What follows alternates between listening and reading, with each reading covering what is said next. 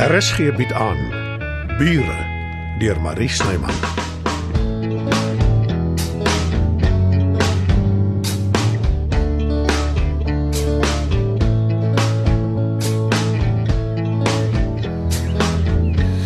Dominee Swarts.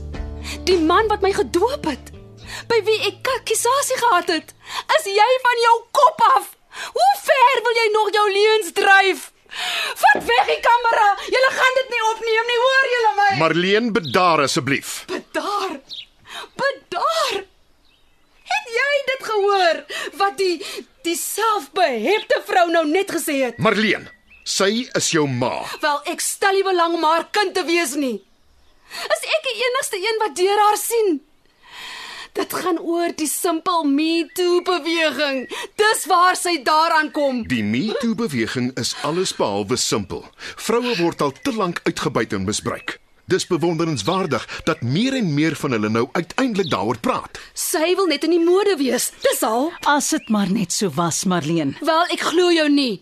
Jy lieg. Werner, skink tog vir die kind 'n sterk whisky. Dalk help dit haar om te bedaar. 'n Sterk whisky. Dis jou antwoord op alles. Ek hoop julle het dit op kamera. Imelda te water se oplossing op elke probleem is 'n sterk whisky. Dis nou genoeg. Nou gedraai jy jou. Los my uit. Vat jou hande van my af nou. Goeie genade mense. Wat is hier aan die gang? Prinses? Jy is doodsbleek. Ek skink dadelik vir jou whisky. sien? Daar gaan hy ook. Hy is net sy. Ook geen wonder nie. Sy het en gebied die arme ding al jare. Dis pateties. Jy praat geen so met juffrou Imelda nie. Hoor jy vir my? Dankie, Brendan. Werner, dalk moet ons herskeduleer. Nee, nee, nee, alles is opgestel. Marleen, ek stel voor jy gaan sluit jouself in die badkamer toe of iets totdat jy kalm genoeg is om jouself soos 'n beskaafde mens te gedra. Ek dink buitendien nie jy moet deel wees van die program nie. Ek is nou terug. Vat so lank 5 ouens. Luister nou mooi na my Marleen. Dit kon beslis nie vir Imelda maklik gewees het om so ver te kom om te vertel wat met haar gebeur het nie. Hoekom nou skielik, hè? Na al die jare. Gebruik jou gesonde verstand. Jy daag op en eis dat sy die waarheid praat. Ek bied aan om 'n program te maak en spreek die dinge aan wat sy diep weggeberg het. Sy kan nie nou ophou nie. Sy het reeds te ver gekom. Julle twee het die ding fyn uitgewerk, né? Waarvan praat jy? Hoeveel Hollywood aktrises kom skielik vorendag met dieselfde soort stories? Sy wil ook in die kalklig wees. Dis waaroor dit gaan. En jy het duidelik geen gewete nie. Hoekom sal jy Melda so aantekening maak op nasionale TV? As dit nie waar is nie, kan dit ernstige reperkusies hê. Juis.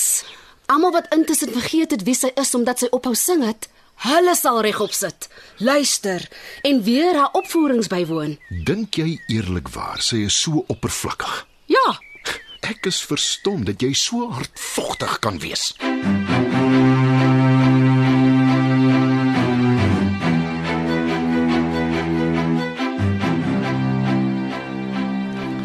Ek verstaan nie hoekom jy haar nonsens vat nie, prinses. Ek weet jy gaan sê dis oor sy jou kind is, maar dis nie Ek genoeg. is moeg vir my middelklas bestaan. Hoe nou? Ek sit hier in my huis, dag in en dag uit. Ek voer die duwe, irriteer Matilda, gesels af en toe met Joe en dis dit. Maar dit het mos nou verander. Jy het weer begin sing. Ja. Ek het uiteindelik die moed bymekaar geskraap.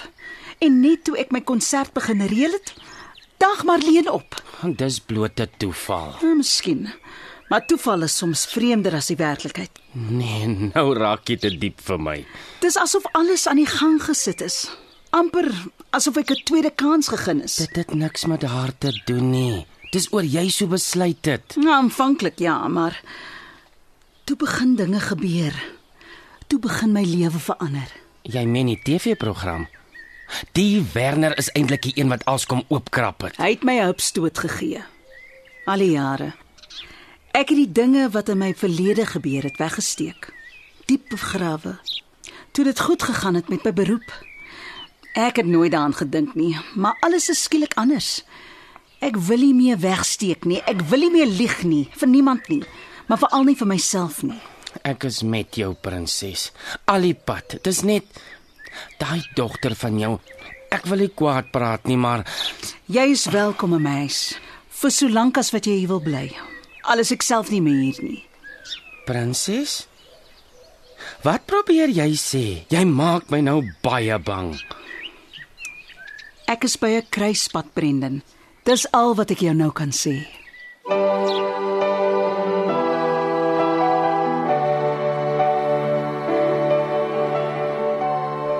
Is jy nou kalm, Marlene? Ja. Geen uitbarstings meer nie. Nee. En as jy seker jy wil deel wees van die program. Ja. Wat van verrassings? Jy gaan nie iets kwytraak wat Dis 'n pro- opname. Jy kan die kamera enige tyd stop. Ek is jammer dat ek so hard was met jou. Ek is die ongenaakbare een. Onthou? So ja, ons is reg om te skiet. Voordat ons begin, kan ek net een ding sê. As jy nie kans sien nie voor nie, Marlene, ek sal verstaan. Ek en Marlene het gepraat, Imelda. Sy's heeltemal Ekskuus, bereid. Werner. Ek wil dit by Marlene self hoor. Sê wat jy moet sê, Imelda. Ek luister. Nou goed. Ons kan begin. Laat rol maar ouens. Ek was 16 toe my pa dood is. Ek was baie lief vir hom. Watter invloed het sy dood op jou gehad, Imelda? Ek was opstandig, kwaad vir die wêreld, veral vir my ma. Ek het haar kwaadlik geneem, Het jy gevoel sy was aandadig aan jou pa se dood? seker maar. Ek weet nie. Maar hy is in die hospitaal dood. Dit was skielik, onverwags. Ek was nie daar nie. Sy het my gedwing om skool toe te gaan. En toe ek by die huis kom, jou pa is dood. Dit was haar woorde aan my. Sy kon net sowel gesê het, jou middagete is in die kombuis. Ek wou skree, maar ek het nie. Ek het stil gebly. Maar daarna, wat ook al sy vir my gesê het, ek het met haar gestry oor alles, geweier om skool toe te gaan, begin rook. Sy kon niks met my uitrig nie. En is dit waar die dominee in die prentjie gekom het? Ja. My ma was raad op. Toe vra sy vir hom om te help. Met my te praat. Berading, het hy dit genoem. Elke woensdagmiddag na skool. Want dan was daar niemand anders in die konsistorie nie. Het jy jou ma ooit daarvan vertel? Ek wou. Ek het hom gedreig ek gaan. Hy het my uitgelag. Gesê niemand sal my glo nie. Nie met my reputasie van stokkies draai en rook en opstandigheid nie. Hoekom het jy bly teruggaan Woensdae? Marlene, wag. Nee, Werner, dis 'n goeie vraag. Ek het 'n paar keer probeer om dit te vermy. Dominee Swart het na ons huis toe gekom, met my ma gepraat agter geslote deure. Dan het my ma gehuil wanneer hy weg is. Ek het naderhand aanvaar dis my lot. Maar ek het myself beloof. Die oomblik wanneer ek matriek skryf, is ek weg en dis presies wat ek gedoen het. Ek het vir haar 'n brief gelos en op die trein geklim Johannesburg toe. Wanneer het jy swanger geraak met my? Hy het my opgespoor. My my gedwing. Toe ek besef ek is swanger. Ek het ergens die moed vandaan gekry en die keer was dit ek wat gedreig het. Hy moes geskrik het want hy het my uitgelos daarna. En dis waar ek vandaan kom. Hoekom het jy nie die swangerskap beëindig nie? Niemand sou geweet het nie. Ek was besig. Sanglesse, hier en daar klein rolle. Toe slaan ek my eerste groot rol los. Ek was in die wolke, die aand met die kleuterrepetisie. Dit was toe ek jou die eerste keer voel skop het. Ek het nooit aan jou gedink as sy kind nie, net myne. Al het jy my nie grootgemaak nie. Ja, al het ek jou nie groot gemaak nie. Ek wou juis nie jy moet uitvind en bitter wees nie. En hoe weet ons dis waar? Dit is waar, Marleen. Hoe weet ons jy het nie die dominee verlei nie? Ek het nie. En as die program nou uitgesaai word en hy en sy vrou sien dit, Dan sien hulle dit, Marleen. wat van my? Wat van hoe ek daaroor voel? Ek's jammer. Dis al wat ek kan sê. Oor alles. Daar's hy. Sny, Ons het 'n program mense. Ek gaan dit sommer nou redigeer en dit sal binne 'n dag of twee uitgaan. Ons lewens oopgevlek vir almal om te sien. Nie nou nie, Madeleine, asseblief. Dankie, Werner. Moenie dit uitsaai nie. Jammer Marlene. Dis Imelda se wens. Wat van my? Jy wou weet wie jou pa is. Jy het aanhou krap. Nou weet jy. Ja. Nou weet ek. Ek hoop nie jy vang iets onverantwoordeliks aan nie. Soos wat, Werner? Ek wil liewers nie eers idees in jou kop sit nie.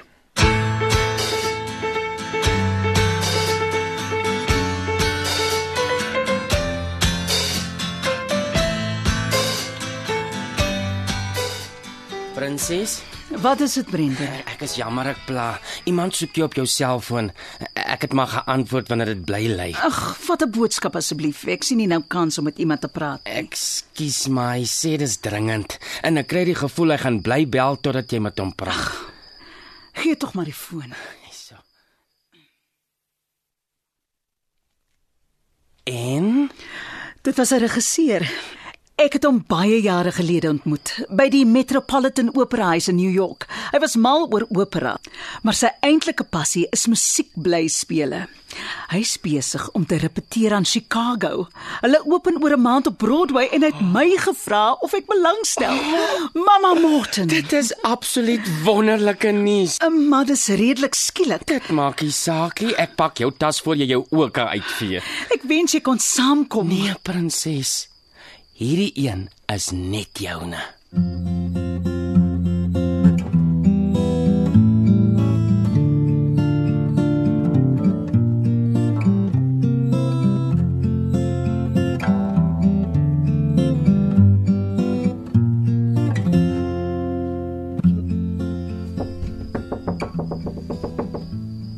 Imelda, Kom in, Marlene. ek wil nie pla nie. Glad nie. Jy's dan al in die bed. Dit maak nie saak nie. Dink jy ouma het geweet? Nee. Hoe seker is jy daarvan? So seker as wat 'n mens kan wees in 'n onseker wêreld. Ek het uh, ook iets van jou af weggesteek. Oor haar. Oor ouma. Wat dit ook al is. Jy hoef my nie te vertel nie. Nee, ek moet.